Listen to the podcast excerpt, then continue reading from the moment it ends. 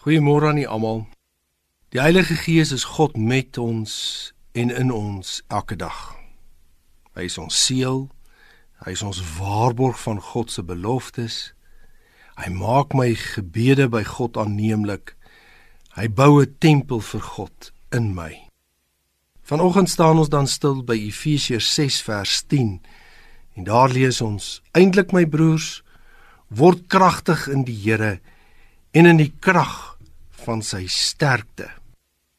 Handelinge 1 vers 8, die welbekende vers, lees as volg: Maar julle sal krag ontvang wanneer die Heilige Gees oor julle kom, en julle sal my getuies wees in Jerusalem, sowel as in die hele Judea en Samaria en tot aan die uiterste van die aarde. Word met krag vervul. Om as oorwinnaars te leef in 'n gebroke wêreld het ons liggaamlike, geestelike en geloofskrag nodig. Krag wat ons nêrens anders kan kry as van die Heilige Gees as gawe nie. Efesiërs 6:10 vertel dat ons alleen ons krag van God ontvang om staande te bly teen die duiwel en sy verleidelikhede en versoekings. Daarom gee God aan die disippels en ook so vir u en my vandag krag waarvan Handelinge 1 vers 8 praat. Die Heilige Gees is ons bron van krag, die bron van ons wysheid.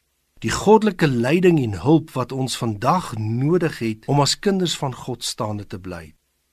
Daarom nooi hy ons uit om vandag voor die dag begin by hom stil te staan.